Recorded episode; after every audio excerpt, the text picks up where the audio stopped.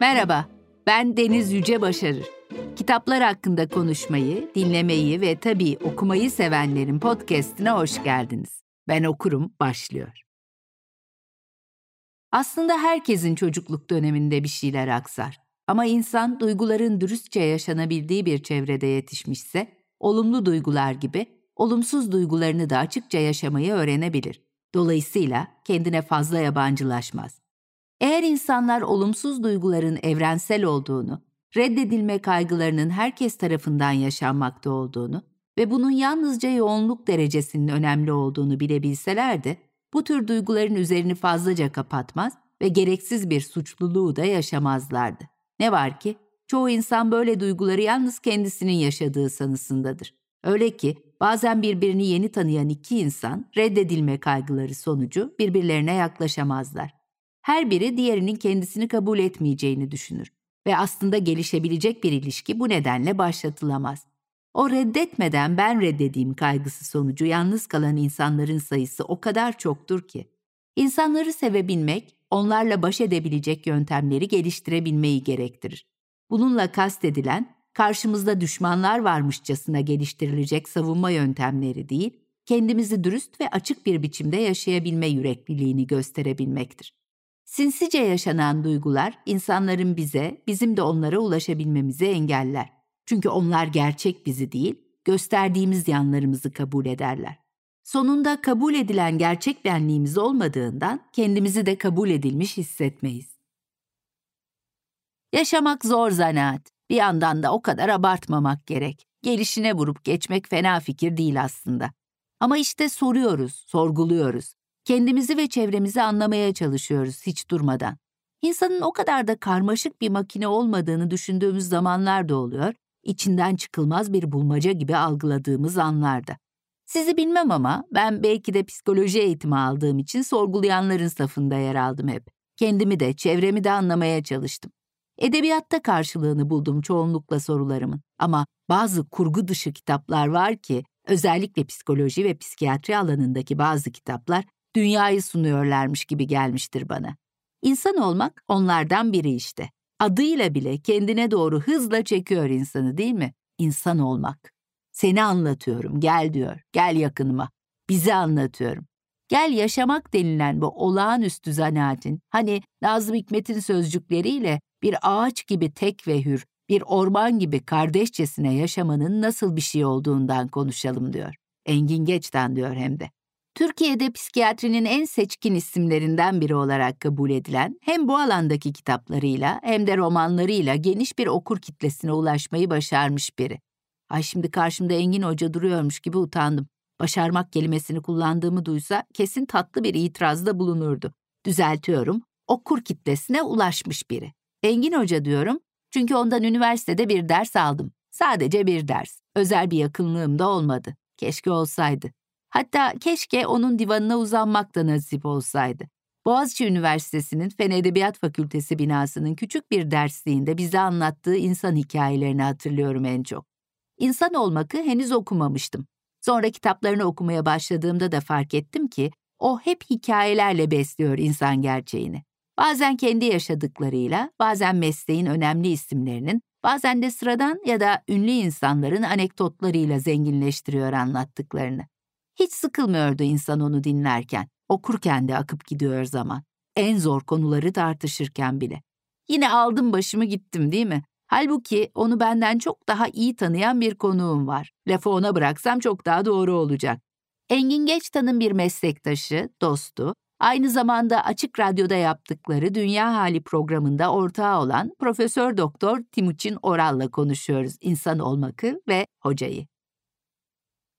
Timuçin Bey, Engin Geçtan'la Açık Radyo'da yaptığınız Dünya Hali programının son bölümünde diyorsunuz ki benim odamda önem verdiğim hocalarımın fotoğrafları vardır ve bunların arasında Engin Geçtan da var. Sizin onunla tanışıklığınız nasıl gelişti? Bir çeşit hayranlık diyebilir miyim buna tabii, ya da tabii. evet liderlik, önderlik de belki denilebilir. İyi bir mentordu. Evet aslında. değil mi? Herhalde. Evet. Nasıl gelişti? Sonra da nasıl dostluğa evrildi ilişkiniz? 86 yılıydı ben Bakırköy'de ihtisasa başladım. İşte Bakırköy'ün hengamesi içinde koşuştururken o zaman birlikte çalıştığımız abimiz Can Tuncer bana dedi ki Engin Bey İstanbul'a geldi. Hı hı. e, bu sene ya da geçen sene. Ve Marmara'da da derslere başladı. Boğaziçi'nde ders veriyor, Marmara'da ders veriyor. Haftada bir günde isteyenlere gönüllü, tabii şeylere, profesyonellere, Hı hı, ruh sağlığı çalışanlarına yönelik böyle 2-3 saat süren hatırlamıyorum şimdi seminerler oluyor. Gidelim mi dedi. Ben de çok sevinerek gittim ve böylece her çarşamba ki yaklaşık bir yıl herhalde Engin Bey'i orada takip ettik. Yani bir yıl değildir de bir eğitim dönemidir Hı hı, hı hı. muhtemelen. O arada Engin Bey tabii çok İstanbul'a yeni gelmiş ve popüler olduğu için e, insan olmakta yeni çıkmış, çıkalı bir süre olmuş filan. Davet de ediliyor. İşte o zaman Bilsak e, vardı. Evet. Sıra servilerin girişinde hemen. E Bilsak'ta konuşmalar oluyor. Ben oraya gidiyorum. Bir kere Ekim Bilar'a tünelde davet ettiler. O zaman da yine bu barış imzası nedeniyle yine pek çok öğretim üyesi dışarıda kaldı. Orada bir tür açık üniversite oluşturmuşlardı.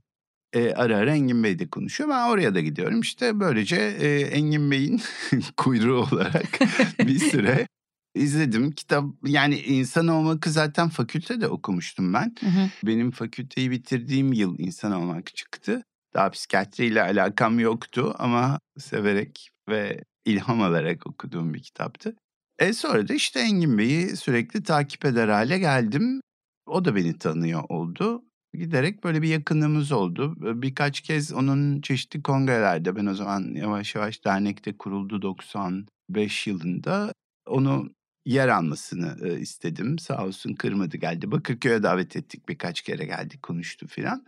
O sonra Açık Radyo'da program yapmaya başladı. Birinci yayın dönemi sonra galiba 10. yayın yok 3 ya da 5. yayın dönemi galiba tekrar Dünya Hali'de yapmaya başladı Neşe Şen'le birlikte. Ben ona bir iki kez konuk oldum. Sonra da işte bir galiba Edirne'de bir kongredeydi. Bana beraber program yapalım mı diye sordu. Ben de evet dedim. Engin Hoca sonra onu programda da anlattı. Birden bu kadar hemen evet dememe şaşırdığını da söyleyerek. Sonra da dünya hali çıktı ortaya. Ve orada Ee, da dostluğunuz daha da gelişti herhalde evet, değil mi? Evet tabii çok e, güzel zamanlardı. Ben e, mahallenden çıkıp Engin Bey'i evinden alıp Açık Radyo'ya beraber gidiyorduk yolda konuşarak. işte e, Orada konuşarak. Yolda da konuşarak, orada da konuşarak. Daha Engin Bey'le bir şey planlanarak yapılmadığı için, Hı hı. kendisi de öyle yaşamadığı için hep böyle kendiliğinden gelişen hoş birliktelikler oldu. Ben onu kitapta da, programda da söyledim, kitapta da yazdık. Diyojen hikayesiyle anlatırdım hep. Şöyle bir öykü var. Bir adam Diyojen'e rastlıyor pazarda. En sevdiğin yemek nedir diye soruyor. Diyojen yumurta diyor. İşte aradan aylar yıllar neyse geçiyor. Tekrar diyor jenerasyon neyle yersin diye soruyor. Diyojen de tuzla diye cevap veriyor. ben de Engin Bey'le ilişkimizi böyle bir ilişki olarak tarif ettim. Yani sürekli yan yana değildik ama her birlikte olduğumuzda kaldığı yerden devam, Devam eden, eden bir ilişkiydi. Sonra yavaş yavaş önce emekli olup sonra evde kalıp rahatsızlanıp bana da çok yakındı benim ofisime evi. Son bir iki yılında da düzenli olarak ziyaretine gittim ben. Her hafta mümkünse. Hı hı. Ee, bazen işte olamadığında aradım. Çok ihmal ettim nasılsınız? İyiyim sağ ol dedi. İşte bazen tıbbi yardım bazen şey konuşmalar. O arada bir de kitap yazdı. Orada bir arada Evet. diye meşhur grup terapi kitabını. Çok da güzel bir kitaptır. Sonra da başka kurgular yazmaktaydı. Sonra rahatsızlığı epeyce ilerledi. Hı hı, hı Ee, işte ben daha sık gidip kontrol eder oldum. En son son gecesinde de beraberdik. Öyle mi? Evet, evet. Son ana kadar yanındaydım aşağı yukarı. Yani bir, bir saat yanından ayrıldım geldiğimde kaybettik Ya. dediler. Çok öğreticiydi. 4 yıl falan oldu değil mi? 2018 mi? 2018 Sizde değil mi? Şubat. Evet. Evet, 19 evet. Şubat. O biliyordu Şubat'ta. Annesi Şubat'ta vefat etmiş. Benim geldi zamanım diyordu. Çok uzun bir süre yani bir iki sene boyunca şeyi de konuştuk hep. Hani ötenazi hakkı olabilmeli Hmm, aslında. hmm. Yeter artık. Bütün akranlarım öldü. Zamanda geldi artık. Ya- Yaşayacağım kadar yaşadım. Ya insan onun gibi şimdi postmortem konuşmaları sevmeyen biri Evet. programda da söylemiş kitabı okurken tekrar gördüm dünya halini okurken. Onun gibi birinin ölümü de nasıl karşıladığını merak ediyor açıkçası. Oo, Sorularım çok- arasında değildi ama şimdi siz bunu söyleyince son gününde de beraberdik deyince bu o felsefi yaklaşımıyla da e, nasıl karşıladığını doğrusu öğrenmek isterim sizden. Ben sonra Tuhaf dergiye yazdım aslında Hmm. onu e, ölüm Kaçırmışım. Hı yıl hı. dönümünde. 2019'da herhalde yani bir yıl sonra yazdım. E, Şey başlığıyla evrende hiçbir şey kaybolmaz sadece yer değiştirir Hmm. derdi Engin Hoca. Hı hı. O başlıkla son akşam böyle ben yoktum bir yerdeydim İstanbul dışındaydım haber verdiler. Yani Engin Hoca iyi değil Hı ve e, çok da şey öfkeli, kızgın Hmm. ya da işte anksiyeteli falan. Ne oluyor diye gittim. E işte şey ilaç vermeye, iyileştirmeye falan çalışıyorlar. Engin Hoca da o sırada bunların hiçbirini istemiyor, İstemiyor. haklı Hmm. olarak. Duruma eşlik edin diyor. Yani durum bu. Hani bu, bu bir şey yapmaya çalışmayın telaşında. Neyse gittim. Asıl sorun uyku sorunu. Hmm. Tamam hocam uykunuzu kolaylaştıralım. Gerisi kendinden gelir zaten dedim. Beraberdik. O arada şey oldu. Biraz böyle hafif uykulu gibi ama ağzı da çok kuru. Ben de su vermeye çalışıyorum şeyle bardakla pipetle. Ne kadar sulasan olmaz bu ağaç kurudu artık dedi. Ay ya. E, hocam dedim yani ölmediğiniz sürece konforunuz önemli lütfen için suyu içti. Sonra iki arkadaşı geldi. E, iki hanım arkadaşı geldi o gün. Onlarla beraber. Onlar da işte müzik çalıyorlar, şeyden konuşuyorlar. Beraber gezilere çık çok gezerdi Engin hı, Hoca. O hı. gezilerden arkadaşları. İşte kalbim Ege'de kaldığı e, Çaldılar. çaldılar. Ne istersin dediler. O da onu istedi. O da eşlik etti. Ondan sonra dediler ki ya işte ne oldu mucize oldu. Geldin bak adam şeydi uykuluydu kendinden geçmişti şimdi şarkılar söylüyor falan. Onlara da baktı karıncalar ölmeden önce kanatlanır bilmez misiniz dedi. Of ya son dakikaya kadar vecize. hani gerçekten gerçekten çok ilginç bir insanla karşı karşıyayız. Allah'tan bizimle bu kadar yazarak paylaşmış Evet. e, birçok deneyimini ve e, bilgisini diyelim değil mi? Kesinlikle çok üretken bir insan zaten. Bir çağdaş yaşam ve normal dışı davranışları yazdığı zaman insan olmaktan önceki kitabı Hı hı. o Maya'dan çıkmış ince bir kitaptı o zamanki. Sonraki baskılarında onu değiştirdi. Daha böyle psikiyatrinin güncel haline Bir uyarladı. de normal dışı lafına da değil mi? şey, herhalde. Evet. Orada halbuki o kitapta şeyi çok anlatır. Toplumu, toplumun hı. gelişimini bizde neden şeyler olmaz. Festivaller, fasching benzeri şeyler niye olmazı filan anlattığı, aile içi ilişkileri, dinamikleri anlattığı bir kitaptır. Onları çıkarınca ben de demiştim ki hocam bunlar çok kıymetli şeyler. Siz bunları çıkarıp attınız ama bunları bir şekilde yapmak, yazmak gerekir. Yeniden mi acaba filan. O yenidene de hiç sıcak bakmazdı. Biten bitmiştir, yaşanan yaşanmıştır dediği için. Sonra bir kitap yazdı. Hı hı. Zamani diye bir kitap Hı hı. yazdı. Kitabı da sekreteri getirdi. Ben kitabın çıktığını duydum ama daha hocayla konuşamadan. Hep böyle bir kitap yazmamı istemiştin. Umarım istediğin gibi olmuştur diye imzalamış. Ee, evet yani ona benzer şeyleri anlattığı bir kitabı oldu Zamani diye. Çok da güzeldir o da. Birçok çok kitabı Çok var. var. Hepsi çok Evet, güzel. çok var. Kurgular, kurgu olmayanlar. Evet yani meslek dışındaki okurlara da ulaşabilmiş çok kitabı var ama ben çok kısaca biraz meslek için Engin Geçtan'ın anlamından da söz edelim istiyorum. Siz de çok önemli bir psikiyatrsınız Türkiye'nin. Hani onun sizin meslekteki öneminden de biraz söz edelim sonra kitaba geçelim. Tabii ki. Engin Hoca çok nevi şahsına münhasır bir insan olduğu için pek kimseyle çok yakın olamadı ya da olmadı. Mesela bu mesleğin kurucuları arasında olan kişiler var. Onlar çok da yakın arkadaşlardı. Orhan Öztürk gibi ki hala sağ Orhan Hoca. Umarım sağlıklı olmaya devam eder. Ee, Özcan Hoca, Özcan Kökten Hı hı. onu yakında kaybettik. Turan Örnek e, Ege'den onu da kaybettik. Engin Hoca onlar hep o zaman kongrelerde filan da beraber olurlarmış. Fakat Engin Hoca Amerika'dan döndükten sonra Hı hı. e, bir ara böyle üniversite camiasında olmuş ama nedense tıp fakültesi de çok olamamış. Yani hep aykırı düşmüş. Hı hı. E, olağan akımın dışında kalmış hep biraz. Muhtemelen akademinin o e, itiş kakışlarını da sevmedi diye düşünüyorum. Hem de belki Amerika'dan sonra burada psikiyatrinin o kadar e, gelişmemiş olmasıyla ilgili olabilir ben, mi? Bence değil. Çünkü Hmm. e, derdi ki hoca hep e, askerliğini Konya'da yapmış. Hı. Ben nöropsikiyatr olarak uzman oldum. O yıllar öyleydi ya. Ayrı değildi iki branş. Dolayısıyla ben askerlik yaparken muayenehane açayım mı açmayayım mı diye düşündüm. Beni yüreklendirdiler. İşte sen aynı zamanda bir nörolog tarafın var. Öyle de çalışabilirsin. Aç diye. Açtım muayenehane dedi. Ve inanılmaz bir deneyimdi benim için. Yani o kırsal kesimde o insanlar bütün bunları gördüm ve çok şey öğrendim Hı hı. e, derdi her zaman. E, Rastgele bende de anlatıyor, anlatıyor onları. hikayelerini. Evet, evet. doğru. Evet. E, anlatıyor bütün bunları. E, sanıyorum üniversitenin o e, kasvetli havasından çok hoşlanmadı Hmm. e, diye düşünüyorum. Daha böyle e, özgür özel ruh.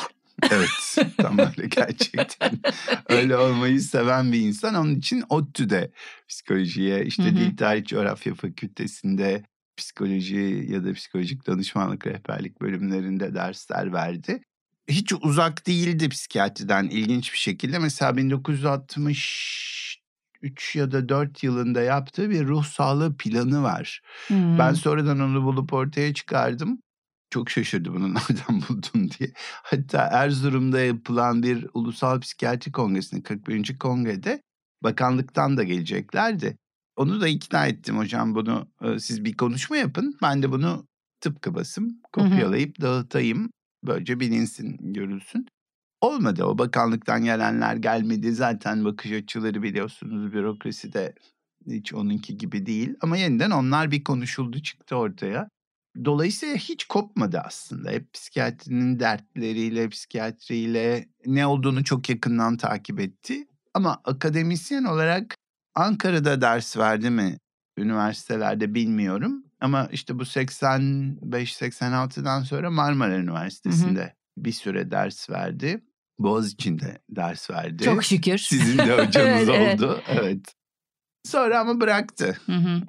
Dediğim gibi akademi ona hep böyle bir şey gibi geldi. Herhalde evet bir kısıtlayıcı bir yanı var ya Evet. akademinin herhalde onun ruhuna çok uygun değildi. Ama Korse belki gibi. de o yüzden bu kadar çok yazdı. Yani deneyimlerini paylaşabileceği alanlardan biri de kitapları oldu. Doğru. Bunların arasında da en ilgi gören, en çok insana ulaşan ve aslında sanırım meslek erbabına da ulaşan ama aynı zamanda da sıradan okurlara da ulaşan insan olmak.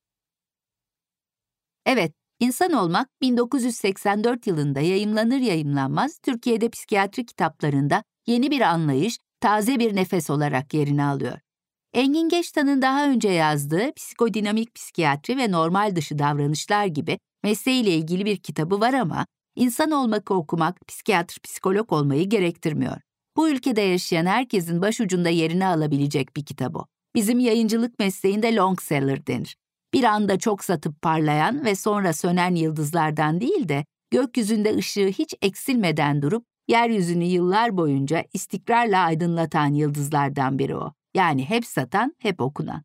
Engin Geçtan'ı Ankara'da üniversitede ziyarete gelen, sizden bir ricam var, bizim için de kitaplar yazın diyen o isimsiz kahramana çok şey borçluyuz. Evet, böyle bir olay olmuş ama Engin Hoca beyninin derinliklerine atmış bu isteği. Sonra bir gün bir tatil yöresinde denizde yüzerken kitabın bölümleri birer birer gelmiş gözünün önüne. Ankara'ya döner dönmez yazmaya başlamış ve büyük bir hızla tamamlamış insan olmak yıldızını. Engin Geçtan 1932 yılında İzmir'de doğuyor. Karşıyaka'da deniz kenarında bir evde geçiyor çocukluğu. 1956 yılında mezun olduğu İstanbul Üniversitesi Tıp Fakültesine gidene kadar da ayrılmıyor bu Ege şehrinden. 1956-1961 yılları arasında Amerika'da mesleki deneyim kazanan, 1968'de doçent, 1974'te profesör unvanını alan psikiyatr. ODTÜ, Ankara, Boğaziçi ve Marmara Üniversitelerinden sesleniyor öğrencilerine. Bir yandan da divanına kimleri yatırıp dinlemiştir bilinmez ama Türkiye'nin en önemli psikoterapistlerinden biri oluyor zamanla.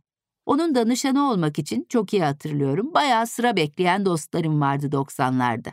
İnsan olmaktan sonra psikanaliz ve sonrası varoluş ve psikiyatri gibi kitaplarıyla meslektaşlarını aydınlatmayı sürdürürken bir gün kendini birdenbire bir roman yazarken buluyor. Böylece 1993'te 7 romanının ilki Kırmızı Kitap yayımlanıyor. Bir anlamda insan olmakın devamı olarak tanımlayabileceğimiz Hayat, Zamane gibi kitapları da 2000'li yılların ürünleri olarak yerini alıyor raflarda ve kütüphanelerimizde. Galiba benim romanları içinde en sevdiğim kızarmış palamutun kokusudur. Belki biraz da İstanbul koktuğu için bilemiyorum. Ama Kırmızı Kitabı Storytel TR için yıllar sonra tekrar okuma şansını elde ettiğimden dolayı da pek mutlu oldum söylemeden geçmeyeyim. Kendi mesleki macerasını her zaman yaptığı gibi insan hikayeleriyle zenginleştirerek anlattığı Rastgele Beni de bu bölümü hazırlamak için okudum ve bayıldım. Ama doğrusu ya, hepsi bir yana, insan olmak bir yana. Onu bu kadar okunur kılanın siz ne olduğunu düşünüyorsunuz? Yalınlığı bence. Hı hı. Engin Hoca konuşurken ben e, gülerdim. O da bana bazı şeyler söyledi. Ne ne gülüyorsun derdi her seferinde. ben de niye güldüğümü söylerdim. O da bana şey derdi. Çocuk gibi konuşuyorum. e, dümdüz onun içinde böyle oluyor derdi. E, yalınlığı yani ben işte insan olmak ilk 84'te çıktığı zaman okudum. Sonra ihtisas sırasında okudum. Uzman olduktan sonra doçentliğe hazırlanırken okudum. filan çeşitli aralarla. Şimdi siz konuşalım diye konuştuktan sonra kitabı bir daha okudum.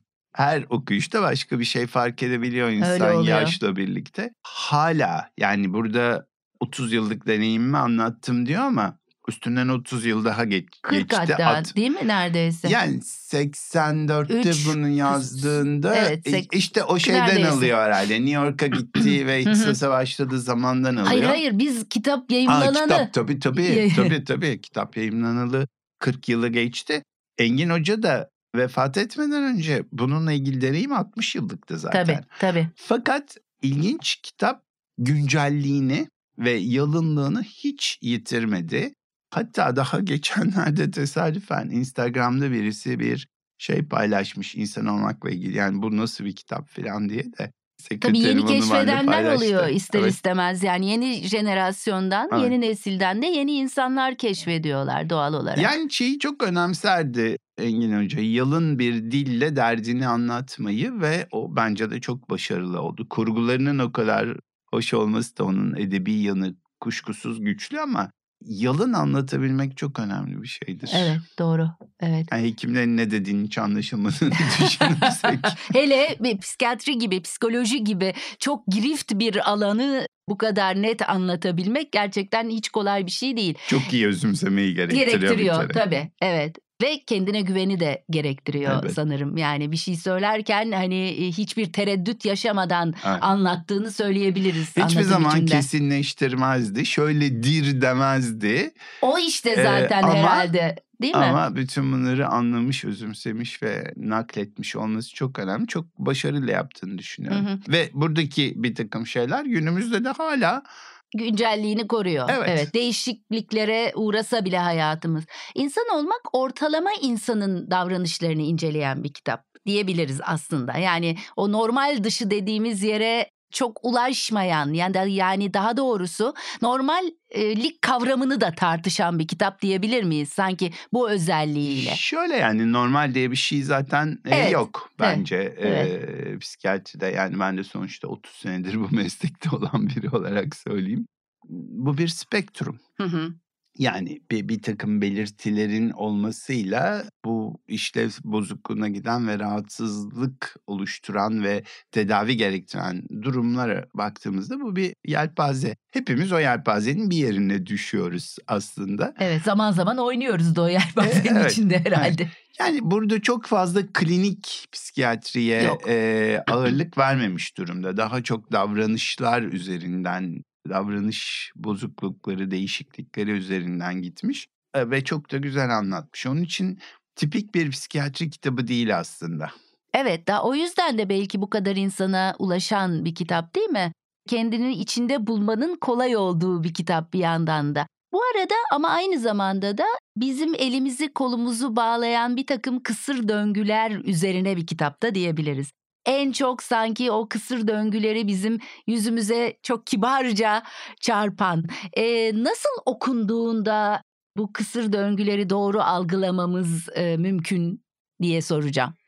Şöyle yansız okumak çok mümkün değil anladığım kadarıyla. Çünkü bu kitabın şöyle bir özelliği var. O zaman yani 1984'te okuduğumda da aynı şeyi düşünmüştüm. Kendisiyle ilgili bir şeyler buluyor insan. Evet. Kendisiyle ilgili bir şeyler bulduğunda ah işte bu beni anlatıyor falan da giden bir ilişki kuruluyor Hı, kitapla. hı. O hep öylelerdi. Kitaplarımla kurulan ilişki diye anlatırdı bunu. Gerçekten böyle bir ilişki kuruyorlar. Eğer biraz bunun dışına çıkabilse insan çok kolay olmayacak ama e, yani onun için birkaç kez ve farklı zamanlarda okumak da önemli oluyor belki. Daha yansız bakıp değerlendirebiliyor yazılanları. O zaman çok öğretici, başka türlü felsefi bir bakış Hı hı. e, aynı zamanda getiriyor.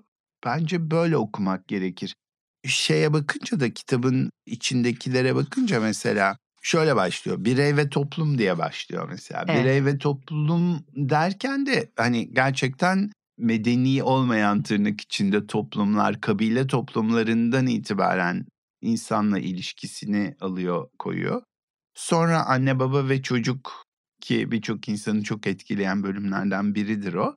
Sonra çok alışılmışın dışında. Tam onu söyleyecektim. Evet diğer bölümler acayip alışılmışın dışında. Evet. Çünkü neden? Çünkü biraz sanki ülkemizin nasıl söyleyeyim Türkiye'nin gerçeklerini göz önüne alarak Doğru. bölümlendirilmiş bir kitap diyebilir miyiz? Doğru. Doğru. Yani hem içeriden bakmış Evet.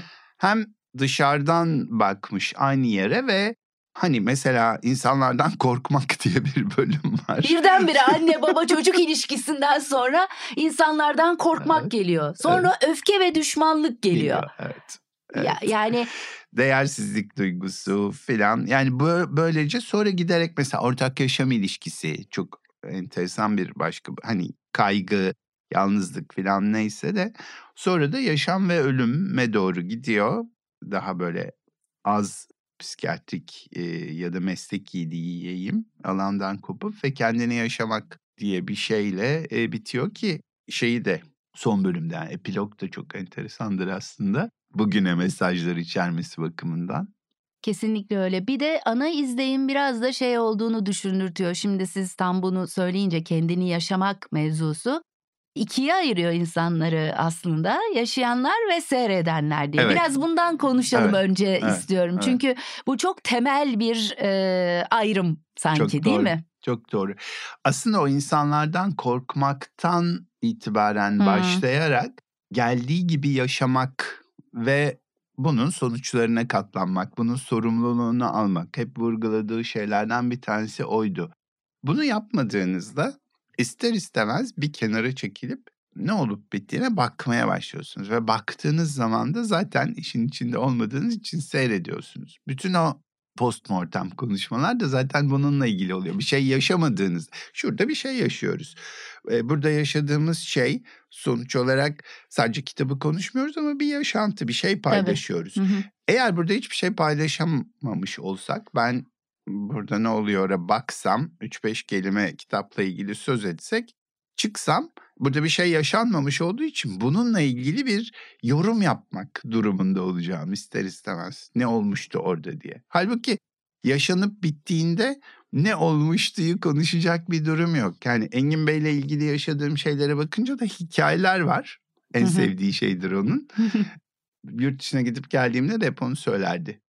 Ne hikaye var diye. Çünkü öbür türlüsü zaten evet. evet yani zihninizin e, görüp gezdiklerinizin yorumlarından ibaret. Hikayeler hoştur her zaman.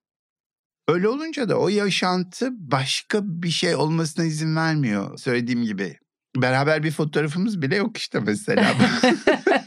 Bu 30 senede bir fotoğraf çekmeyi aklımıza getirememişiz. Yaşamaktan fırsat olmamış. evet, evet yani daha doğrusu ben bir fotoğrafımız olsun diye e, düşünememişim. Çünkü yaşantı içinde nasıl olurdu eskiden bir yere gidersiniz birileri durun sizin fotoğrafınızı çekeyim derdi. Bugünkü gibi kendimizi görüntüleyelim, selfieleyelim, şuraya koyalım gibi bir şey de olmadığı için aklımıza da gelmiyordu. Gelmemiş. Belki gelenler vardı da bizim gelmemişti. Tam da böyle bir şey işte yaşamak ve seyretmek arasındaki fark.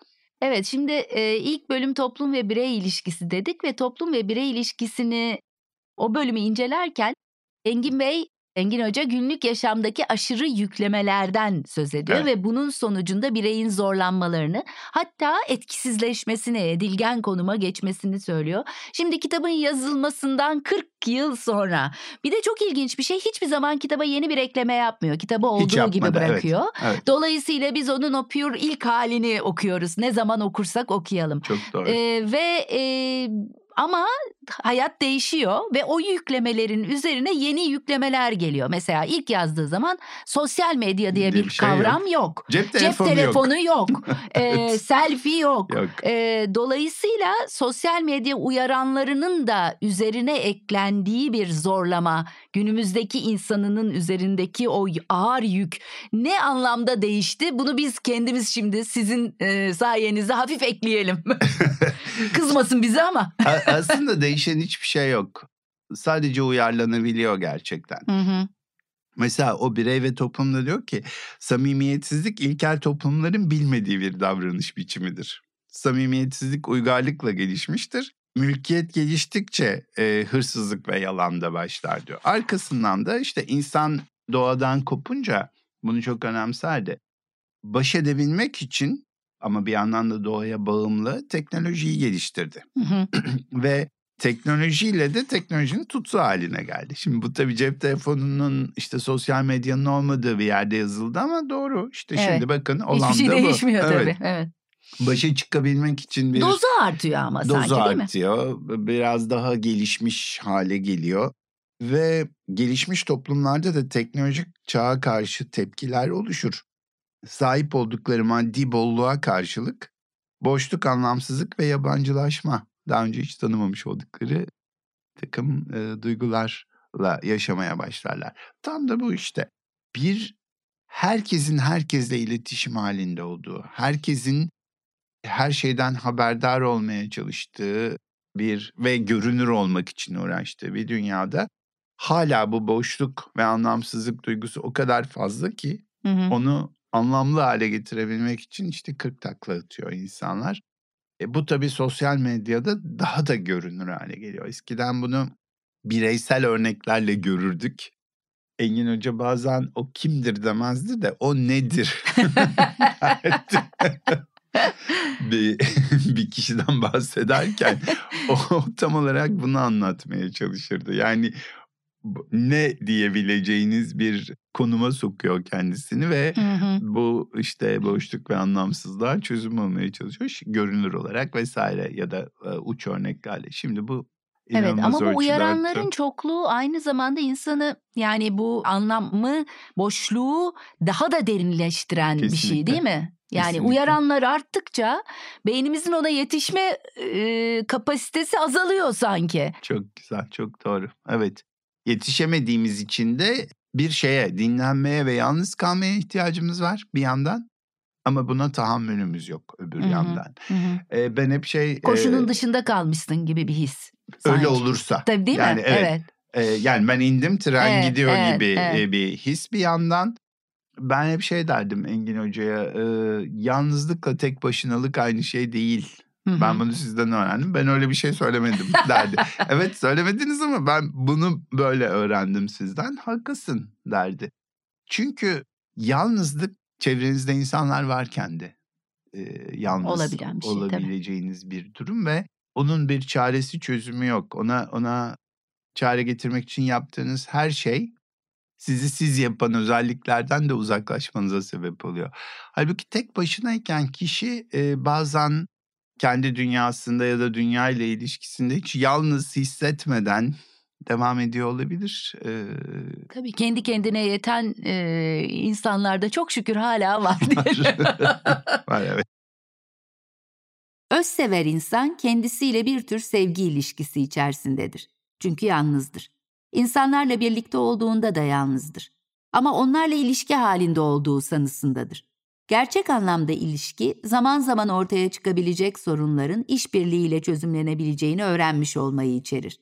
Özsever insanlar işbirliğini öğrenememiş kişilerdir. Çünkü yalnızca kendi görüşlerinin doğruluğuna inanır ve diğer insanların duygu ve düşüncelerini anlamak için çaba göstermezler.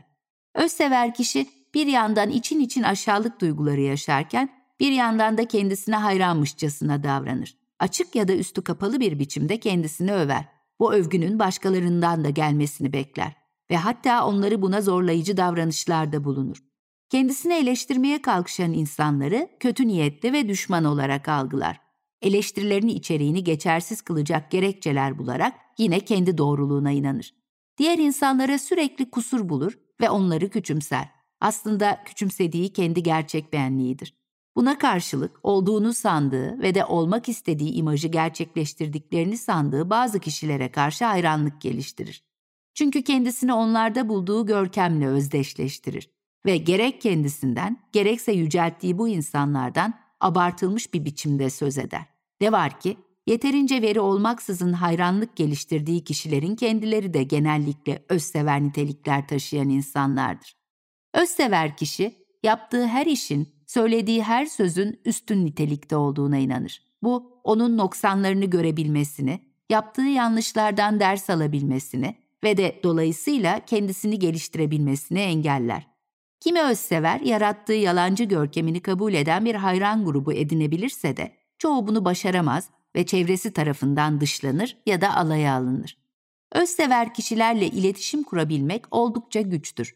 Çoğu o anda aklında ne varsa onu konuşur ki bu da genellikle kendisine, duygularına, düşüncelerine ve yaptıklarına ilişkindir. Söylediklerinin karşı tarafta nasıl bir etki yarattığını aldırmadığından ve onların anlattıklarını anlamaya çalışmayarak salt kendi bakış açısından değerlendirdiğinden böyle bir insanla gerçek bir diyalog kurulamaz. Özsever kişi ancak karşısındaki insanda kendisine ilişkin bir yaşantının yansımasını gördüğünde onunla ilgilenir. Bunun dışındaki konuları çoğu kez algılamaz bile. Bir de anne baba çocuk ilişkisiyle devam ediyor kitap. Biraz önce de söyledik. Engin Hoca bu ilişkinin yetişkinliğimizde nasıl biri olduğumuzla ilgisini açıkladıktan sonra o bölümün son cümlesinde şöyle bir laf ediyor. Bir duyguyu nasıl yaşamakta olduğumuzu fark edebilmek, onun geçmişe dönük nedenlerini açıklayabilmiş olmaktan çok daha büyük önem taşır. Şimdi bu bu cümleyi biraz açalım istiyorum. Çünkü bence e, hani kendimizi buluyoruz ve kendimizle ilgili e, bir takım saptamalar yapıp öyle okumaya devam ediyoruz ya. Bunu yaparken de aslında bu cümle sanki bir yol gösterici. Böyle okuyorsak Doğru. bile bu cümlenin bir yol gösterici olduğunu düşünüyorum. Biraz açalım. Şöyledir e, deyip kestirip attığımızda yaşantının öldüğünü düşünüyor Engin Hoca. Ve bunu birçok kere vurguluyor kitapta. Çok doğru. Olmakta olanı kaçırmış oluyoruz. O yüzden de bize ne olduğunu anlamaya çalışırken yaptığımız her türlü yorum her türlü değerlendirme aslında şu anı da yaşamadığımız, üstelik de bunu yanlış muhtemelen yorumlama olasılığımız da olduğu için kendi kendimize yaptığımız çıkarımlar ve onun üzerine kurduğumuz yeni yapılarla başka bir şeye doğru şekilleniyor. Tam da bunu nasıl yapmayabilirizin bir şeyi yok, formülü yok. Sadece belki bulmaya çalışmak ve buldum demekten uzaklaşmayı başarabilirsek belki. Yani şurada ne olmuştu, burada ne nasıldı. Şu da çok önemli. Bazen ben kendi hastalarımla da e, konuşurken bunu söylüyorum tabii ki. Bugünkü anne babalarıyla ilişkilerinden söz ederken diyorum ki onlar çocukluğundaki anne babalarınız değil artık. Onlar şimdiki anne babanız yaşlı bir takım insanlar. Yani onlar da o zamanki gibi değiller, siz de değilsiniz. Ama siz hala oraya takılıp o duyguyla yaşayıp onu bugüne taşıdığınızda hem bugünkü ilişkiyi kuramıyorsunuz hem geçmişin hesaplaşmaları bugüne taşındığı için huzurlu bir birliktelik olması da mümkün olmuyor. Ve anne babayı kaybettikten sonra da büyük bir bunalımın gelmesine sebep oluyor Tabii, değil mi? Evet. Çünkü, çünkü hiçbir zaman ilişki kurulamamış evet, oluyor. Evet, evet. Yani birisiyle ilişkiniz olumluysa onu kaybedersiniz ve kaybettikten sonra tabii ki kayıp Yasını üzücüdür. tutarsınız. Ve biter. evet. Ve biter. Yani yasla ilgili bütün ritüeller, ölümle ilgili bütün ritüeller aslında bunu kolaylaştırmak için. Hı hı mümkün. Yani Engin Hoca'yı defnederken yaşadığımız da buydu. Onu özlüyorum tabii ki. Ama bu böyle bir takılıp kalmıyorsunuz evet, orada evet, değil mi? Evet. Keşkelerle giden bir şey olmuyor artık. Tabii. O öyle yaşandı, çok da güzel yaşandı ve bitti haline geliyor. Birisiyle ilişkiniz çok iyi değilse Hı hı, onu kaybettikten sonra yaşayacağınız yaz çok çok çok büyük olur Değil mi? genellikle. öyle. Evet. E, kitabın öfke ve her bölümden teker teker konuşamayız Tabii ama ki. bence günümüzde gene çok önemli. her her bölüm önemli ama öfke ve düşmanlık bölümünün çok önemli olduğunu düşünüyorum şu anda yaşadığımız dönemde. Tabii ki insanlığın hani hiç bitmeyen çilesi bu.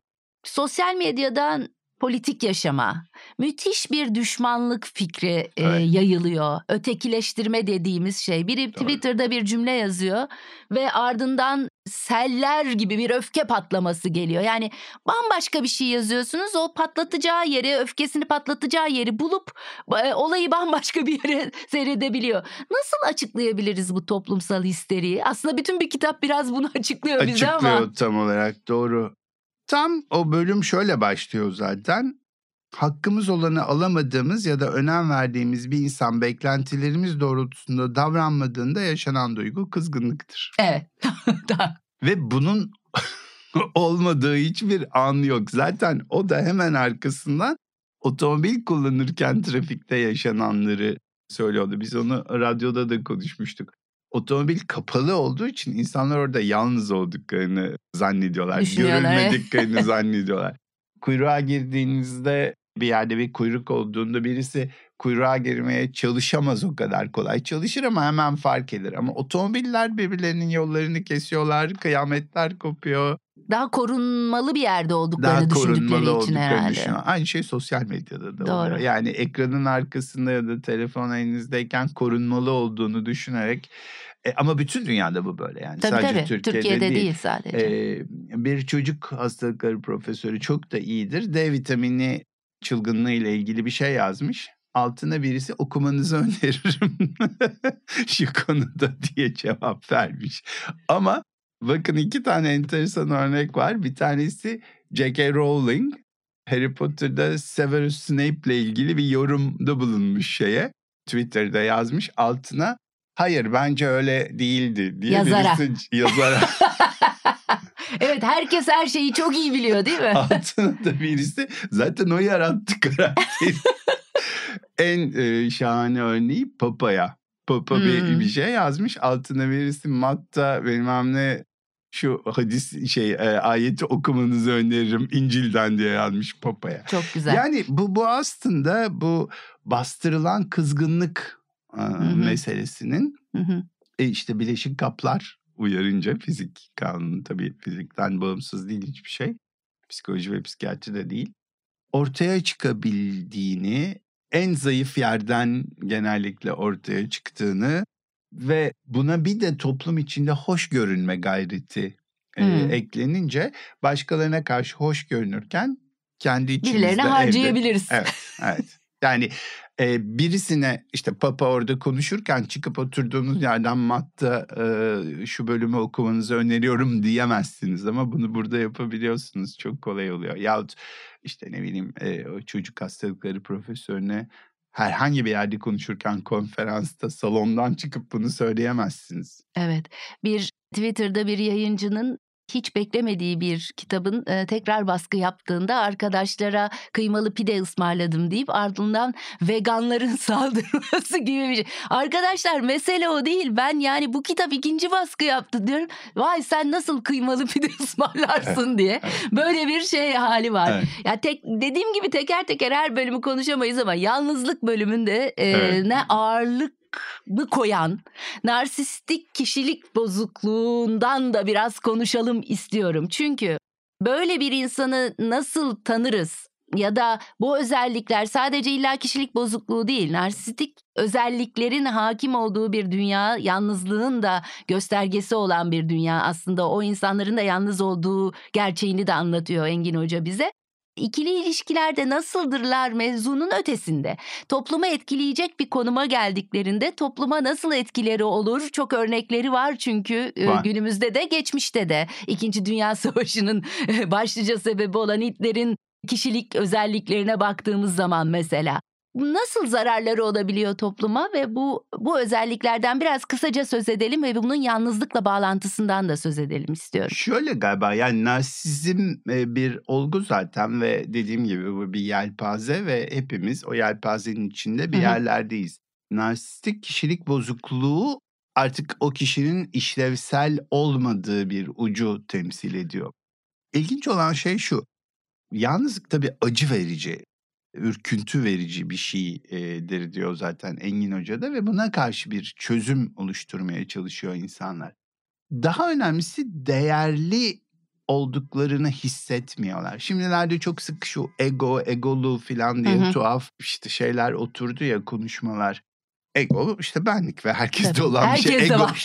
egolu olmak diye bir şey yok. Herkes egolu. Herkesin bir egosu var çok şükür. Olsun da zaten. Orada kastettikleri şey şeyleri kaybettik. Kelimeleri, kalıpları. Kibir. Hı hı, hı. Eğer kişi kendisini değerli hissetmezse ya da değerli olduğuna inanmazsa değerli hissetmek için bazı şeylere ihtiyaç duyuyor ve bunu da çoğunlukla bilinç dışı olarak öğreniyor zaten başından itibaren. Hı hı. Ben derslerde de öyle anlatırdım. Matruşka bebeklere benzetiyorum. Aslında matruşka bebeklerin en içindeki en küçük olanı gibi hissediyor kişi biliyor ama dışarıya kendini gösterdiği hal en dışındaki hal. Hı hı. Böylece arada çok büyük bir vakum oluşuyor. Engin Hoca sonra başka kitaplarında ona varoluş vakumu da dedi. Hı hı. Öyle bir vakum olduğunda her şeyi içine çekiyorsunuz. O şişkinliği sürdürebilmek için başka bir çareniz yok çünkü. Ve her şey benim için, her şey benim etrafımda, her şey benim istediğim gibi filanla giden bir bir kocaman görüntü. Ve tabii bu şişik ego diyelim ona çok da kırılgan aynı zamanda. Yani ona bir iğne battığında patlar hemen ve en küçük hali alır ve öyle olmaması için insan canla başla bunu sürdürmeye devam ediyor. Bu tabii ister istemez diğer insanlarla ilişkilerde sevimsiz bir ilişki modelini de beraberinde getiriyor. Ya kendisine bağımlı bir takım insanlarla bir arada olmak zorunda ki o şişikliği sürekli sürdürsün. Yahut da biraz dışarıya itilmek zorunda. Dışarıya itilmek de tabii değersizlik duygusunu pekiştiren bir şey olduğu için bunu daha da besleyen bir şey haline geliyor maalesef. Yani ben merkezli bakış başkasının olmadığı, ötekinin olmadığı bir bakışı getiriyor. Ben ben ilişkisi değil mi? Ben ben ilişkisi yani karşısındakiyle ilişki kur, şey gibi ben bana hayran sen bana hayran gibi bir ilişkinin her türlü ilişkide ama bu karı koca ilişkisi, Evet, evet, terapist iki- hasta tabii. ilişkisi, arkadaş ilişkisi karşılaşmışsınızdır. Vapurda ya da bir yerde bir yerden geçerken kapıyı açarsınız. insanlar geçerler. Geçmeye devam ederler siz kapıyı tuttuğunuz sürece. Çünkü farkında değiller. Birisi tutup sizin geçmenizi bekleyip filan sırayla bir ilişki kurmuyorlar maalesef. Kuramıyorlar. İşte bu da ben varım ve başkaları yok ya da başkaları benim için var. Bu, bu bir yalnızlığın tezahürü ve bunun için bulunmuş bir yöntem olabilir. Peki kendini tamamen yok edip böyle kişilerle ilişkiyi sürdürenlerin meselesi ne? e onlar da bağımlı oldukları için yani uyaransız ve başkası olmadan var olamayacakları için hani sürekli zaplayarak televizyon seyretme, bolus tarzında bir diziyi başlayıp başından Hı hı. sonuna kadar izleme, amaçsızca işte vitrinlere yahut da işte şimdi vitrin yok da daha çok evet, sosyal medyada, Instagram Instagram'da falan. evet. ya da Twitter sayfalarına bakma böyle bir şey. Bu tabii bireyleşmenin ne kadar az olduğuyla ilgili bir şey. Çünkü bireyleşme başkalarından farklılık ve teklik demek. Hı hı. Bir yandan da korkutucu bir şey. Çünkü başkalarıyla aynı olmaya çalışıyoruz ki yalnız kalmayalım. Halbuki yalnız ve tek farklı olduğunuzu kabul edip bunun sorumluluğunu alıp devam ettiğinizde başkalarının da öyle olduğunu görüp ilişkiyi öyle kurabiliyorsunuz. O anne baba çocukta da çok güzel anlatır aslında nesne ilişkilerini çok Hı hı. hoş biçimde anlatır. Ben hep şey derim. İşte bazen çift derler ki biz bir elmanın iki yarısıyız. Halbuki bu bir marifet değil çünkü ayrıldığınızda iki tane yarım elmasınız demektir. Hiçbir şey ifade etmez. Bir sepette iki elma olabiliyorsanız ama o işte yalnızlığa katlanabilmeyi gerektiriyor. Halbuki tam da birey olamadan yalnız kaldık metropolde. Öyle olunca sürekli çözümler bulmaya çalışıyoruz. Sözünü ettiğiniz kişiler Evet onlar. bu sadece ikili ilişkiler değil tam son Tabii. cümleyle aslında toplumsal ilişkilerde Evet. de yani e, açıklayan bir cümle oldu son cümle özellikle. Engin Geç'ten İsviçreli psikiyatrist Carl Gustav Jung'un çok etkilendiği bir sözüne değiniyor ona çeşitli soruların yöneltildiği Seyyar adlı kitapta. Kuramlarını iyi öğren ama yaşayan ruhun mucizesine dokundukları an onları bir kenara bırak diyormuş Jung. Ve Geç'ten de şöyle devam ediyor. Bir keresinde Jung, aylardır uyuyamayan bir kadını ninni söyleyerek uyutmuş. Bazen mesele bu kadar yalın ve basit işte. Terapi süreci kuramlardan birine sıkı sıkıya bağlı kalmak yerine sezgilerini de işin içine katarak karşındaki kişiye ulaşmanın en etkili yolunu bulma sanatı sanki Engin Geçtan'a göre. İnsan olmak da yazarının kendi sezgisel gücünü hiç göz ardı etmeden hatta mümkün olduğunca serbest bırakarak kaleme aldığı, bu yüzden de kuru değil, duru bir anlatıma sahip bir kitap. Evet, Timuçin Bey'in söylediği gibi insanın kendini ya da çevresindeki kişilerin davranış biçimlerini bulması ve anlamlandırması kaçınılmaz oluyor okurken. Ve tabii içinde bulunduğumuz toplumun ayak izlerini çözebilmek için bir el feneri gibi yolumuzu da aydınlatıyor. Biraz önce kitabın bölümlerinin sıra dışılığından söz ettik ya, işte el feneri bu başlıklarda gizli biraz da. Birey ve toplum, ana baba ve çocuk, insanlardan korkmak, öfke ve düşmanlık, değersizlik duygusu, kaygı, sorumluluktan kaçış, yalnızlık, ortak yaşam ilişkisi, nevrotik kısır döngü, yaşam ve ölüm, kendini yaşamak. Evet, bizi aydınlatıyor insan olmak ama en çok da insanlığımıza nasıl sahip çıkacağımızı gösteriyor sanki sezdirmeden ya da bazen yüzümüze çarpa çarpa. İnsan Olmak kitabından şu bölümü çok dikkatle okuyun diyeceğiniz, burayı atlamayalım diyeceğiniz neler var? Her bölüm aslında. Değil mi? yani her biri ayrı ayrı hoş. Yaşam ve ölüm de çok hoştur. Kendini yaşamak da çok hoştur. Hatta söylüyorum son sözü. epilog. Epilog. Epilogda yani biraz şeyi de anlatmış tabii. Freud'un bakış açısını, Adler'in bakış açısını, Jung'un bakış açısını, Erich Fromm'u onu çok severdi. Onun bakış açısını falan. Engin Hoca'nın şansı New York'ta Hı hı. klasik psikanalizin kurucularından olan Freud'un yakın arkadaşı Otto Rank'ın ekolünde, onun kurduğu bir klinikte Shandor Rado'nun öğrencisi olmuş olması.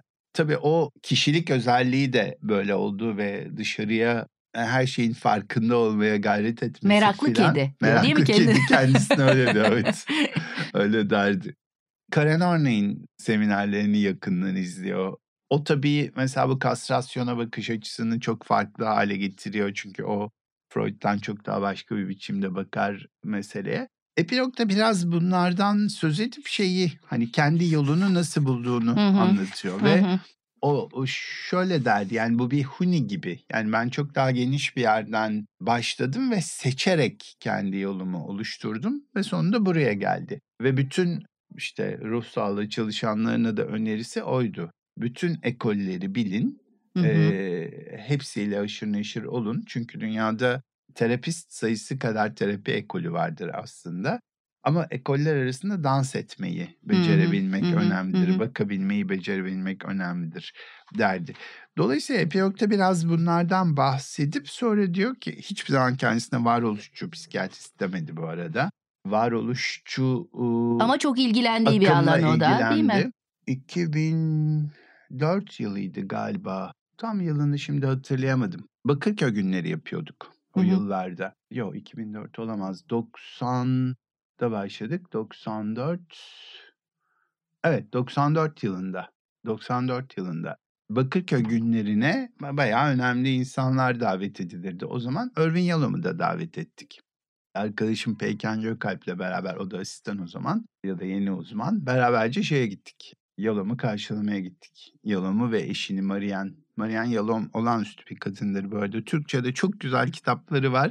Fakat Irving Yalom bilinip Marian Yalom hiç bilinmiyor. Evli Kadının Tarihi, Meme'nin Tarihi bir edebiyat hı hı. profesörü. Ve Marian Yalom, Irving Yalom'un bütün kitaplarını okuyan, bakan, edit eden arkasındaki... Editörü yani aslında. E, edebi, Editör, e, e, edebi danışmanı diyelim. Hı hı. Çok çok hoş bir kadındır. Neyse yani Yalom geldi. Şimdi o, o akşam da bir yemek e, verdi o zamanki başhekimimiz Marmara Oteli'nde. E, Irving Yalom da işte var. E, kimi davet edeceğiz yani şey kimle otursun?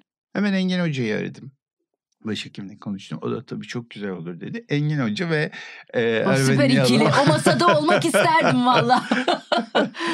çok güzeldi. Sanırım sonra Irving Yalom gidip Bodrum'da bir grup da yaptı. Bazı profesyonellerle. Sanırım Engin Bey de vardı orada. O da Bodrum'a çok gider gelirdi o zaman. Dolayısıyla mesela Irving Yalom da kendisine hiçbir zaman varoluşçu psikiyatristim demiyor ama öyle bir bakışı Hı-hı. var. Engin Hoca'nın da aslında böyle bir bakışı var ve e, pek çok şeyi paylaştıkları. Bütün kuramların aslında insanın doğasını psikiyatrinin sınırları içinde anlamanın e, çok mümkün olmadığını, yetmediğini hep söylerdi ve hı hı. son yıllarında da o yüzden daha çok fizik, kuantum fiziği evet, falan evet, okuyordu. Hayatta evet. mesela evet, onun öyledir. izlerini çok görürsünüz.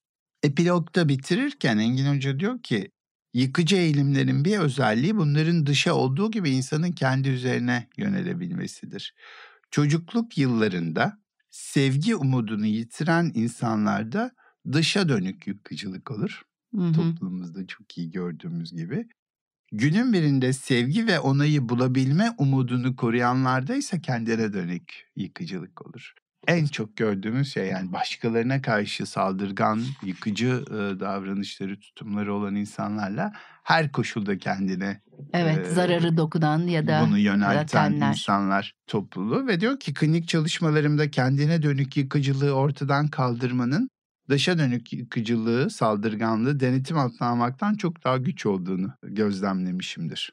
Bunu da işte bu yalnızlığında büyük katkısı olsa gerek diye düşünüyorum demiş insanın yapıcı ve yıkıcı anları yanları arasında öyle bir denge var ki bu da aslında geleceğe yönelik olarak karamsarlığa kapılmamızı engelliyor diyor. Bir arkadaşım öyle söyler Erdoğan Özmen. Ben umutlu karamsarım der. aslında bu toplumda hepimizin şu anda içinde bulunduğu durumu çok da iyi özetlediğini düşünüyorum. Ve Diyor ki işte kitapta da söyledim. Başka insanlara bir şey verebildiğiniz zaman aslında ve bunun için çaba gösterdiğiniz zaman yapıcı eğilimleri yıkıcı eğilimlere üstün kılarsınız. Hı hı. Bu aslında dayanışmayı, bir arada olmayı, ne olursa olsun birbirimizden, insanlıktan vazgeçmemeyi de aslında e, altını çizerek anlatan Umut şey. orada. Umut orada, kesinlikle orada. Evet. Yani alma verme ilişkisi önemli. Almayı da vermeyi de bilebilmek çok önemli. Ama başkasına verdiğiniz zaman yapıcı yanınız, yıkıcı yanınızın önüne geçebiliyor ancak. Evet, gerçekten çok önemli bir şey bu. Kilit cümle. İnsanın yapıcı ve yıkıcı yanları arasında öylesi bir denge var ki insanlığın geleceği üzerine karamsarlığa kapılmamızı engelliyor. Dünyanın tümünü ortadan kaldırabilecek güçte silahların bugüne dek denetim altında tutulabilmiş olmasının yalnızca korku duygusuyla açıklanmasına katılmıyorum.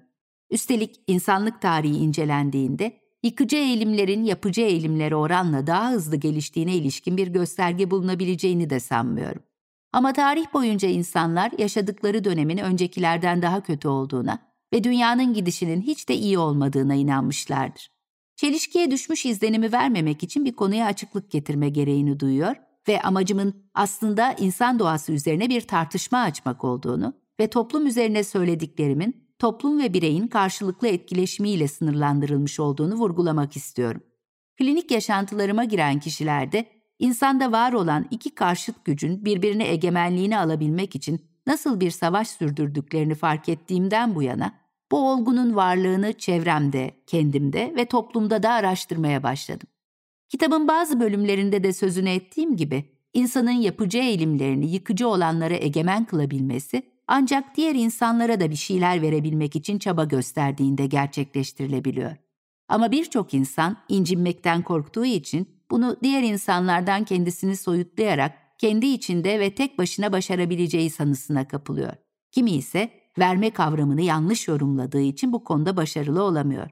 Ama bir de toplumdan gelen pekiştiriciler var.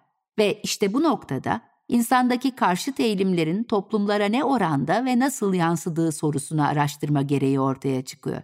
Toplumlar bize bir yandan anlamlı yaşamanın gereği olan düzeni sağlarken, öte yandan bireyin kendisini gerçekleştirebilmesini engelleyici sistemler de oluşturabiliyor. Dolayısıyla insan doğasının karşıt eğilimlerini toplum yapısı içinde de gözlemleyebiliyoruz. Oysa insan kendi küçük dünyası içerisinde kendisinden ya da çevreden kaynaklanan yıkıcılığı belirli bir ölçüde denetim altında tutabilme yeteneğine sahip olduğu halde toplumdan kaynaklanan yıkıcılığa karşı koyabilecek güçte değil. Bunun yarattığı ürküntünün birçok insanın önce toplumun değişmesi gereğini savunarak kendi yaşam sorumluluklarını görmezlikten gelmesinde önemli rolü olsa gerek. Felsefe, edebiyat, tiyatro, müzik gibi yaratıcı alanlarda dünya kültürüne seçkin katkılarda bulunmuş olan Alman toplumuna İkinci Dünya Savaşı sırasında egemen olan yıkıcılığı anlayabilmem için yukarıda tartışmaya açtığım sonuçlara ulaşmam gerekti. Bu olgunun Alman toplumunun kolektif suçu olarak tanımlanmış olmasının bu toplumun bireylerinin vicdanını rahatlatmaya çalışmaktan öte bir anlamı olduğunu sanmıyorum. Toplumların belirli bir dönem içerisinde geçirdiği zorlanmalar bireylerin yıkıcı eğilimlerinin etkinlik kazanmasına neden olabiliyor. Hızlı toplumsal değişmenin getirdiği zorlanmalar sonucu toplumumuz bireylerinin yaşadığı kolektif bunalımdan burada yeniden söz etmek istemiyorum. Ama bireylerin bir bölümünün özsever bir düzeye gerilemesine neden olan böylesi bir süreci, salt belirli bir süre için ortaya çıkan koşullarla açıklamanın yeterli olduğuna inanmıyorum. Neden bu toplumda bir başkası değil sorusunun yanıtı yalnızca bugün de değil, geçmişte de aranmalıdır kanısındayım. Çoğunluğun ortaklaşa kabul edebileceği bir tarihi yansız bir değerlendirme ile tanımlayamamış ve özümseyememiş bir toplumun zorlanmalar karşısında bunalıma girmesini de doğal karşılamak gerek. Burada tarihle kastettiğim biçimselliğin ötesinde toplumun yaşam felsefesini de yansıtan bir kavram. İnsan doğası yalnızca belirli bir zaman kesiti içinde nasıl değerlendirilemezse, toplumlar da geçmişlerini özümseyemedikleri sürece kendilerini gereğince anlayamazlar. Şimdiki zamanın geleceği ve geçmişi de içerdiğini görmezlikten gelen toplumların bireyleri ise evrensel olma niteliğine ulaşamazlar. Biraz önce duyduğunuz cümleler birçok şeyi açıklıyor değil mi?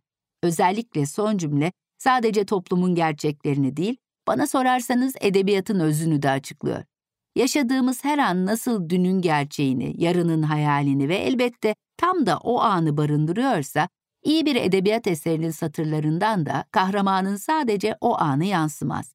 Geçmişini ve gelecek düşüncelerini de sezdirir yazar bize konuyu edebiyata getirmesen çatlarsın diyorsanız içinizden haklısınız.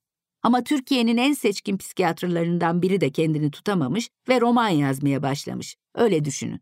Yani o da konuyu edebiyata getirmiş. Kırmızı kitaptan daha önce söz etmiştik. Onu Dersaadet'te dans, bir günlük yerim kaldı ister misiniz? Kızarmış palamutun kokusu, tren, kuru su ve en sonda mesela saat 10'da izlemiş. Yine seyyarda kendisine sorulan bir soruya yanıt verirken hem romanlarını yazma biçiminden hem de kitapların gücünden söz ediyor Engin Geç'ten. Ama elbette yine esnek bir bakış açısıyla. Kızarmış palamutun kokusunu her zamanki gibi hikayenin nerelere gideceğini bilemeden yazıyordum. Ama mekanları ve hikayeleriyle İstanbul'u benim yaşadığım haliyle okuyucumla paylaşmak, onları o mekanlarda dolaştırmak istediğimin farkındaydım. Önceki yaz Bodrum'da bir dostumun evinde katıldığım yemekte bir hanımefendi bana yaklaştı ve "Kitaplarınızdan birini okudum ve hayatım değişti." dedi. Yıllarca Amerika'da yaşamış. Amerikalı eşi vefat edince de küçük oğluyla birlikte yaşamını orada sürdürmüş. Bir gün Almanya'da yaşayan bir arkadaşı ona kızarmış palamutun kokusunu gönderene dek. Kitabı okuduktan sonra Türkiye'ye dönmeye karar vermiş. Ama bu dönüşü kitabın kahramanından daha farklı yaşamakta. Geldikten bir süre sonra sevebileceği biriyle karşılaşmış. Oğlu yeni ülkesine kolay uyum sağlamış. Gözlerinin içi gülüyordu. Acaba Almanya'da yaşayan arkadaşı kitabı ona yollamasaydı hayatı değişir miydi? Ya da o böyle bir değişikliğe zaten hazır olmasaydı. Anlaşılan evren isterse benim kitaplarımı bile kullanabiliyor. Engin Geçtan'ın romanları için neler dersiniz? Ee, her biri ayrı ayrı hoş kitaplar bence. Anlaması biraz zor. Evet, ilginç olan şey şu ki psikiyatri gibi e, anlaması daha zor olmasını beklediğimiz bir alanda bu kadar anlaşılır kitaplar yazan birinin iş edebiyata geldiğinde daha insanları okurlarını zorladığını hissediyoruz değil mi sanki? Evet, kesinlikle öyle. Yani kitapla kurulan ilişkiyi kişilerin kendilerine bırakmış. Hı hı. Yani kitabın bir yazarın bir derdi yok. Şey gibi oyun hamuru gibi onun kitapları. Hı hı. Siz kendiniz şekil veriyorsunuz. Hı hı. Yani o yüzden treni çok seven kızarmış palamutun kokusunu sevmeyebiliyor. Ya da onu seven mesela saat 10'dayı sevmeyebiliyor falan gibi böyle kuru suyu. Yani her birinin adeta kendi içinde yaşayan bir tarafı var. Hı hı. Bir tek o şeyi kırmızı kitabı biraz farklı düşündü. Onun senaryo olmasını çok istedi. Hatta o bayağıca ünlü bir şimdi aklımda yok. Amerikalı yönetmenle de görüşüldü. Hı hı. İngilizceye çevirsin diye. Hatta biz de beraber acaba kim yapar nasıl yapar diye konuşmuşluğumuz çoktur. Bir tek ona yani Hı hı. onun senaryo olan tarafını çok önemsedi. Ama onun dışındakileri hep bıraktı. Yani o kitaplar okuyucuyla bir ilişki kuruyorlar ve kendi kurdukları ilişkiyle devam ediyor diye baktı. Onun için kitaplardaki isimler de çok ilginçtir. Evet çok mesela. ilginç. Nereden geliyorlar bilmiyorum derdi o hep. Son kitabı da aslında çok güzel bir oyun olur. Orada bir arada grup kitabı. Galiba Dot onu Hmm. e, tiyatro olarak sahneye koymak istedi ama Engin Hoca şey dedi. e, demişti o zaman bir şartla casting'i ben yapacağım ya da casting'de ben de olacağım demişti. Ama gerçekleşmedi bildiğim kadarıyla. Keşke şimdi gerçekleşse. Değil mi? De Sahnede izlemek çok güzel olabilir gerçekten. Diyelim ki dinleyicilerimiz insan olmağı okudular. İlk kez okuyorlar Engin Geçtan'la ilk kez tanışıyorlar. Başka hangi kitaplarıyla devam etsinler dersiniz? Yani profesyonellerse ruh sağlığı çalışanları işte psikanaliz ve sonrası onun için de hep şey derdi ya o kitap ne kadar çok satıyor çok kazık kitaptır o nasıl okuyorlar onu. Ee, ben şeyle başlamalarını öneririm. Rastgele benle başlamalarını Evet, öneririm. tanımak için de Evet, biraz değil o, mi? o Şey, Engin Bey'in kim olduğunu anlatan bir şey. Onun için rastgele ben. Ondan sonra seyyarede aralarında ben de varım. Ee, Söyleşiler var, değil 4-5, mi? Evet arkadaşın sorduğu sorulara Hı hı. cevaplar veriyor. O biraz daha böyle dünya hali gibi bir kitap. Hayat çok önemli. Mutlaka okunması gereken insan olmaktan sonra kitaplardan birisi. Zamane çok ilginç bir kitap. Bakmaya değer. Böyle günümüz politikasıyla da Hı hı. işte toplumuyla da bağlar kuran bir kitap. Diğerleri görece mesleki sayılır. Hı hı. Yani işte çağdaş yaşam da öyle, varoluş ve psikiyatri de öyle. Hatta kim bilir bile öyledir biraz. hı hı. e, Daha böyle e, psikiyatrik taraftan bakar. En yalını insan olmak tabii. Evet, yani temel evet. kitap o bence. evet. Önce rastgele beni okuyup sonra insan olmak okuyup sonra herkes kendi yoluna baksın derim. Sizin hiç mesleki deneyimlerinizi paylaşmak bir kitapta aklınızdan geçiyor mu? Böyle bir kitap yazmak gibi bir niyetiniz var mı? Var aklımda aslında. Mesleki deneyim e, deyince tabii şey geliyor. Bak şimdi televizyon dizileri, e, psikiyatristlerin yazdığı diziler ve Ha, senaryolar. ve Keyizlerden yola çıkan. Onlar değil. Tabii, evet. Onlar değil tabii ki. Evet doğru öyle bir akım var şu anda. E, var ve ilgi de çekiyor. Çünkü Çok. e, Engin Bey'in deyimiyle röntgenci tarafımıza çok hitap ettiği için e, Doğru. biri bizi gözetliyor biçiminde gidiyor onlar. Var tabii yani biraz ben aslında herkesin kendi yaşantısını bellek yanıltan bir şeydir. Hı hı. Çünkü build up bir şey. Yani siz imal ediyorsunuz belleği. Hatta kognitif psikolojide bununla ilgili çok fazla çalışma vardır. Siz de aslında bilişsel psikolojiden hatırlarsınız. Soruyu nasıl sorduğunuza göre bile değişir. Ee, iki çarpışmış arabayı gösterirsiniz. Bunlar birbirlerine girdiklerinde ne kadar hızla gidiyorlardı, birbirlerine dokunduklarında falan diye sorsanız aynı fotoğrafa farklı yorumlar yapar insanlar. Çocuklukta da böyle. Bellek tümseyi diye bir şey. 5 yaşına kadar çok şey hatırlanmıyor. 5'ten itibaren yaklaşık 20'li yaşların ortalarına kadar çok iyi bir bellek düzeyimiz var. Hı hı. Sonra o çöküyor. Yani 30'larla 50'lere kadar o ara çöküyor. Ben o yüzden o dönemin bir biçimde kaydedilmesinin çok sağlıklı olduğunu Hı hı. düşünüyorum. Şeyi e, hani şurada şunu yaptım, bugün şu oldu, şu gün şu oldu. Çünkü hatırlamak çok zor oluyor gerçekten. Dönüp sonra da ister istemez uyduruyorsunuz. Yaptınız mı siz böyle bir şey? E, küçük küçük notlarım var ama düzenli bir e, şey tutmadım. E, günlük e, tutmadım. Yaşantıyı öldürdüğünü düşünüyorum günlüğün bu Hı. arada ama küçük notlar tutulabilirmiş. Şimdiki nesil bunu işte fotoğraflarla, sosyal medyayla yapıyor. Orada kalıcı tutabiliyorlar ve her şeyi hatırlıyorlar. Bizim kuşağın yani işte bu geçen yüzyıl içinde doğmuş insanların aslında sizin de yaptığınız gibi bu deneyimlerini olabildiği kadar gerçeğe yakın kitaplaştırmalarının çok önemli olduğunu düşünüyorum ben. Hı hı. Yani Gerçekten. tarih evet. böyle oluşuyor Sözlü çünkü. tarih ve tarih tabii. Evet. Evet. Evet. Küçük Sözlü ayrıntılarda tarih aslında. Kesinlikle Yazılan öyle. resmi tarih de değil de Değil. Evet. gerçekten Evet. öyle. Ben yazmaya alışkınım. Yazmak benim için tek başına oynanan, bana hoş sıcaklıklar yaratan bir oyun diyor Engin Geç'ten yine bir söyleşisinde. O tek başına bir oyun hamuru gibi hayatımızı etkileyen birçok olguyu yoğurup net cümlelere çeviriyor. Sadece insan olmakta değil, her kitabında altını çizebileceği birçok cümle buluyor okur muhakkak. Rastgele benden işaretlediğim bir cümle mesela. Duygu dünyası yeterince gelişemediğinde gönül fakirliği performansla giderilir ya da hayattan. Gölgenizle ne kadar az yüzleşirseniz o kadar güçlenir, sonunda bir tehlikeye, kaldırılamaz bir ağırlığa, ruhunuzun içinde her an etkinlik kazanabilecek bir tehdide dönüşür. Bilince kabul edilmeyen gölge dışarıya diğer insanlara yansıtılır. Sorun onlardır, kötü olanlar da onlar. Yine hayattan başka bir cümle. Anlaşılabilme umudunu tüketen insanlar dünya ile ilişkilerini beğenilme üzerine kurma eğiliminde oluyorlar. Kurtulması güç bir tuzağa düştüklerini fark edemeden. Ben size bütün işaretlediklerimi okumaya kalksam bu bölüm bitmez. Sizin okuma deneyiminizi etkilemek istemiyorum. Herkesin işareti kendine kardeşim. Belki siz başka cümlelerin altını çizersiniz. Karışmayayım işinize. Ama bir Engin Geç'ten kitabı okumadan göçüp gitmek olmaz bu dünyadan. Onu da söyleyeyim. Engin Geç'ten 2018'in Şubat ayında ayrıldı aramızdan.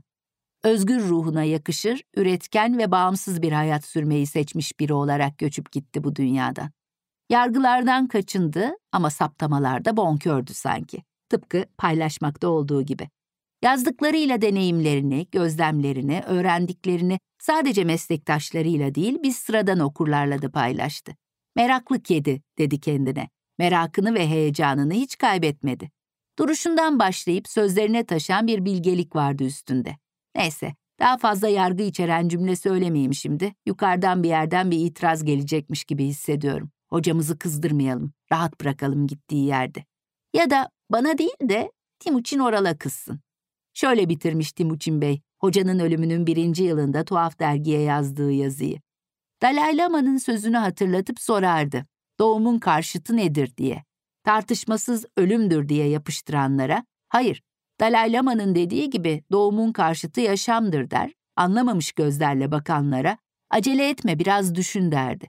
Geldiğini çok iyi bildiği ölümünü büyük bir vakar ve kabullenişle ölüm yaşanmış bir hayatın başına konan taçtır diyerek karşıladı ve öngördüğü gibi bir Şubat ayında aramızdan ayrıldı. Onu Dalai Lama'nın şu sözleriyle uğurlayalım. Bilginizi, bildiklerinizi paylaşın. Bu ölümsüzlüğe giden bir yoldur. Bölümün esas olanı insan olmak gibi Engin Geçtan'ın diğer tüm kitapları da Metis yayınları tarafından ulaştırılıyor okurlara. Ayrıca isterseniz Storytel TR'den de dinleyebilirsiniz hepsini. İnsan olmakı hatırlamak için Tilbe Saran'ın sesinden dinledim ben mesela. Hayatı da Şerif Erol'dan. Kırmızı Kitap ve Kuru Suyu da ben seslendirdim büyük bir mutlulukla. Timuçin Oral'la birlikte yaptıkları Dünya Hali programının kapsamlı söyleşileri de aynı isimle bir kitapta toplandı. Açık Radyo etiketiyle Can Yayınları tarafından yayımlanan kitabı da keyifle okudum. Meraklısına tavsiye ederim. Bölüm konuğumsa ülkemizde yine psikiyatri mesleğinin deneyimli isimlerinden biriydi.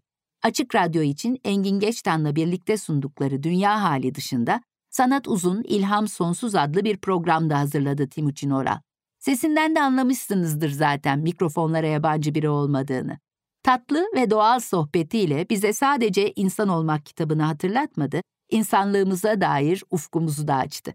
Engin Hoca'yı onu yakından tanıyan birinden dinleme fırsatı da yanımıza kar kaldı. Müteşekkirim. Olabildiği kadar yalın bir biçimde Türk toplumunu anlamak istiyorsak ya da bugün yaşananları anlamak istiyorsak bence insan olmak okunmalı mutlaka. Evet, ben okurumun bir bölümünün daha sonuna geldik. Ama malum okuma serüvenimizin sonu yok. Bana kitap önerilerinizi yazmak isterseniz e-posta adresim benokurum2020@gmail.com ve son sözü insan olmaka bırakıyoruz.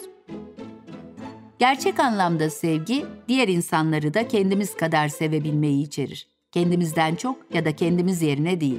Bir başka deyişle sevgi, diğer insanların seçimlerini kendi seçimlerimiz gibi sevebildiğimizde gerçekleşir. Ama sevgi tek bir yaşantı değil, süreçtir. İnsanın kendisini savunmasızca ortaya koyabilmiş olmasının acılarını ve zaferini içeren bir süreç. Mutluluk o anda yaşanılan her şeyi hissedebilmektir. Dünyamızla karşılıklı etkileşimlerimizde keder de yaşanır, sevinç de. Mutsuzluk, yaşama katılacak yürekliliği gösterecek yerde insanın kendi içinde ürettiği ve gerçek dünya ile ilgisi olmayan duygularla yoğrularak kendini yaşamaktan kaçınma sonucu yaşanan bir olgudur. Mutsuz insan kederine karamsarlık, sevincine kaygı katar, gerçeğini doyasıya yaşayamaz. Çünkü kendine karşıdır. Oysa yaşamak ve sevmek birbirinden ayrı olgular değil, bir bütündür. Kendimizi yaşayabildiğimiz ve beraberliklerimize bir şeyler katabildiğimiz her yerde sevgi vardır. Ama bu, içinde bulunduğumuz kısır döngülerden özgürleşip, her yaşantı parçasının bizi çevreye yönelik yeni bir etkileşime doğru harekete geçirmesiyle gerçekleştirilir. Bir başka deyişle sürekli yaşantı üretebilmeyi içerir. Dünyamızla beraberliğimizde bu sürekliliği ya da ileri doğru hareket eden süreci gerçekleştirebilmek kendini yaşamakla eş anlam taşır. İnsanlar sürekli seçim yaparlar ama çoğu bunu kabul etmek istemez. Denize girmek için kıyıya gelen üç kişiden biri derhal suya dalabilir. Diğeri, sonunda nasıl olsa gireceğini bildiği halde bir süre suyun soğukluğunu deneyerek vakit geçirdikten sonra girebilir. Sonuncusu ise girmekten vazgeçebilir ve girenleri seyreder. Bu bir seçimdir. Ve insan nasıl isterse öyle olur. Ama seçimlerinin sonuçlarını da kabullenmek koşuluyla.